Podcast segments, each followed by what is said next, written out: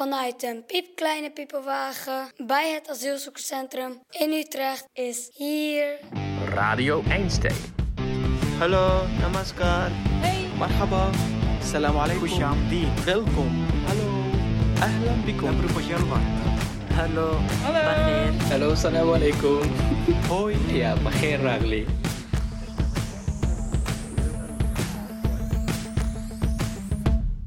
Hoi luisteraar. De afgelopen drie afleveringen van deze serie stonden in het teken van verschillende verhalen van dak- en thuislozen in Utrecht. Je hoorde Leila uit Marokko, Oesman uit Guinea en Johanna uit Polen. Ze vertelden over wonen in een tent, positiviteit als overlevingsstrategie en wat het lastigste is van een leven zonder paspoort. Soms hoorde je ook Frank en Sander, de twee mannen achter het straatnieuws, ofwel de Utrechtse dakloze krant. Zij vertelden op de valreep nog een verhaal dat zo actueel en relevant was voor het thema van deze serie, dat we er een extra aflevering van besloten te maken. Welkom bij de bonusaflevering van onze serie Thuisloos in Utrecht. Dit is een pijnlijk goed idee. Waar waren jullie gisteravond, Frank? Neem, neem me even mee. Wij waren gisteravond bij Awesome Utrecht. En eh, dat is een club van eh, particulieren. Die eh, hebben elke drie maanden zoiets een pot met geld, 1000 euro.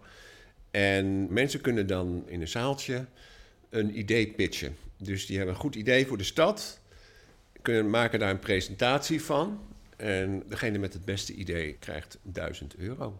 Een eh, idee met betrekking tot wat dan?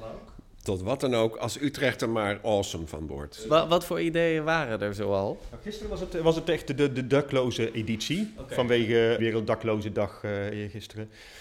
Eh, er was iemand die wilde eh, onderbroeken en sokken inzamelen voor eh, dak- en thuislozen. En het andere idee is een woonproject voor kwetsbare mensen die kamers zoeken. Kamer met aandacht. Kamer met aandacht. Kamer met aandacht. Of kamers met aandacht, denk ik dat de, de URL is. Dus als je daarop zoekt, dan vind je het. Eh, en toen kwamen jullie. Eh, ja, met een eh heuse PowerPoint-presentatie.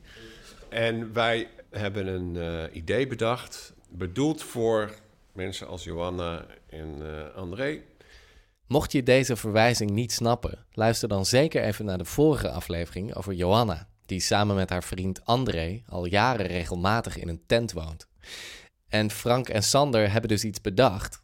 Om die in ieder geval de kans te geven om niet meer in de bosjes te, terecht te komen, maar op een plek die droog is, relatief veilig, eh, enigszins privé. En dat is het fietshok.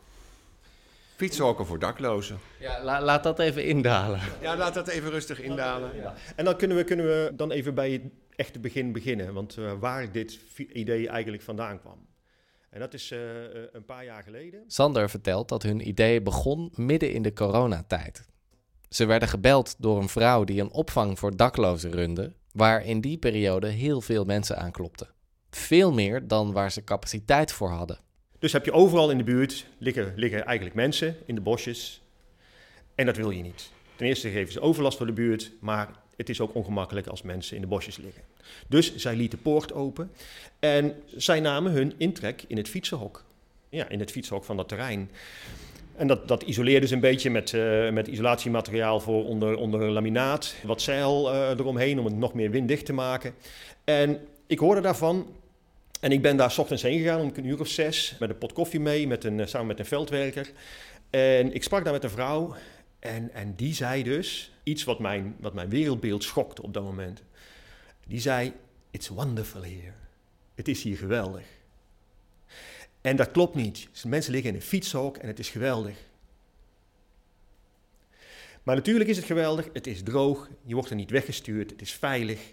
Het is ook geweldig op dat moment om in een fietshok te liggen, want anders lig je in de bosjes. En, en dat is uiteindelijk het, het uitgangspunt geweest voor deze campagne. We spraken ook met een, met een dakloze hier, een van onze verkopers. Nou, hij was niet, is niet meer dakloos, maar hij is dat wel geweest. Hij heeft in, in fietshokken geslapen. Van een ziekenhuis, eh meen ik dat hij, dat hij zei. En daar sliep hij iets vaster, zei hij. hij sla, sla- je slaapt iets vaster, want het is relatief veilig. En ietsje dieper slapen, dat wil dus zeggen nog steeds wat wij waarschijnlijk heel licht zouden noemen. Het is zoveel waard. Je wordt zo gestrest als je buiten ligt. Alles kan gebeuren. Denk aan Johanna die, die alleen in dat tentenkampje ligt. Je slaapt niet. Ietsje dieper slapen is al heel goed. Als we dat voor elkaar kunnen krijgen, om deze mensen die in de bosjes liggen, in een fietshok te krijgen van een bedrijf die, die dat gewoon kan aanbieden, dan kunnen ze een beetje op elkaar letten. De een let een beetje op het terrein, de ander let een beetje op de daklozen, brengt wat koffie, brengt een broodje. En ze, je, je brengt ze samen. Toen hebben jullie die, die presentatie gegeven. Wat gebeurde er in de zaal?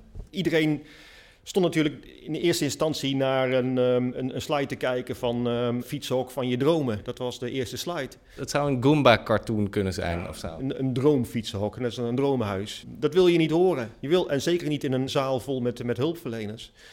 Dat is heel pijnlijk. Zo, dat is ons zelfbeeld niet. Zo willen we ons niet zien en zo willen we ook niet dat we zijn. Maar we kunnen het niet ontkennen. Het kon niet. En dat hebben we duidelijk gemaakt. Want ze liggen in de bosjes en een fietsenhok is beter dan de bosjes. En toen kwam de, de bekendmaking van de winnaar van de pitchwedstrijd. Ja, en de jury had het natuurlijk heel moeilijk gehad. en ze wouden iedereen wat geven. En dat vond ik wel mooi. Sokken onderbroeken idee kreeg uh, een kleine 500 onderbroeken toegewezen. En het idee van uh, wonen met aandacht. Kamers met aandacht. Kamers met aandacht kreeg uh, de toezegging van een maatschappelijke opvangclub, de tussenvoorziening, uh, dat zij veel nauwer gingen samenwerken. En wij kregen de hoofdprijs, 1000 eurotjes. Wij gaan een campagne bedenken en dat kost gewoon geld. We hebben in ieder geval al één ding bedacht wat heel goed zou kunnen gaan werken. En dat is namelijk een logo eh, wat staat voor het keurmerk Fietsenhok. Een klein, waarschijnlijk een rood bordje, wat je als burger aan jouw fietsenhok kan hangen. Zodat een dakloze kan zien, hé, ik word getolereerd in dat fietsenhok.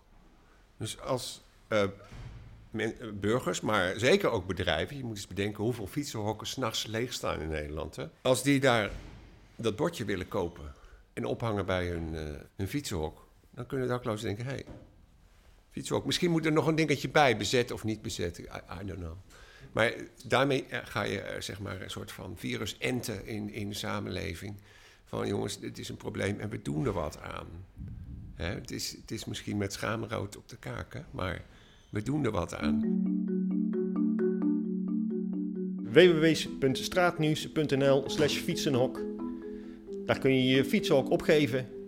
Particuliere bedrijven? Particuliere bedrijven, iedereen. Wij komen kijken en, en wij, wij, kunnen je verbinden aan een dakloze. Of een stel daklozen. Wat, nou, we komen kennis maken. Ja.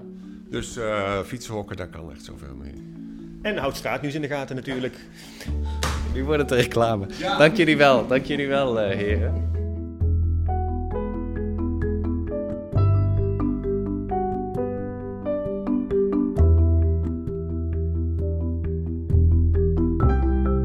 Tot zover deze bonusaflevering van onze korte serie Thuisloos in Utrecht. Over een leven op straat en de dagelijkse strijd met en tegen het systeem. Met veel dank aan Frank Dries en Sander van der Meijs van Straatnieuws. Radio Einstein is een initiatief van Stuttheater en wordt mede mogelijk gemaakt door de gemeente Utrecht en Plan Einstein. Radio Einstein wordt gemaakt door mij, Misha Kolen, Rian Evers, Mariska Minne, Ineke Buis en Lilian Vis-Dieperink. Voor meer informatie over deze podcast en andere afleveringen, zoals de serie Het Cadeau, waar we op dit moment nieuwe afleveringen voor aan het maken zijn, ga naar radioeinstein.nl. Dit was het. Dank voor het luisteren en tot binnenkort voor meer afleveringen van Het Cadeau.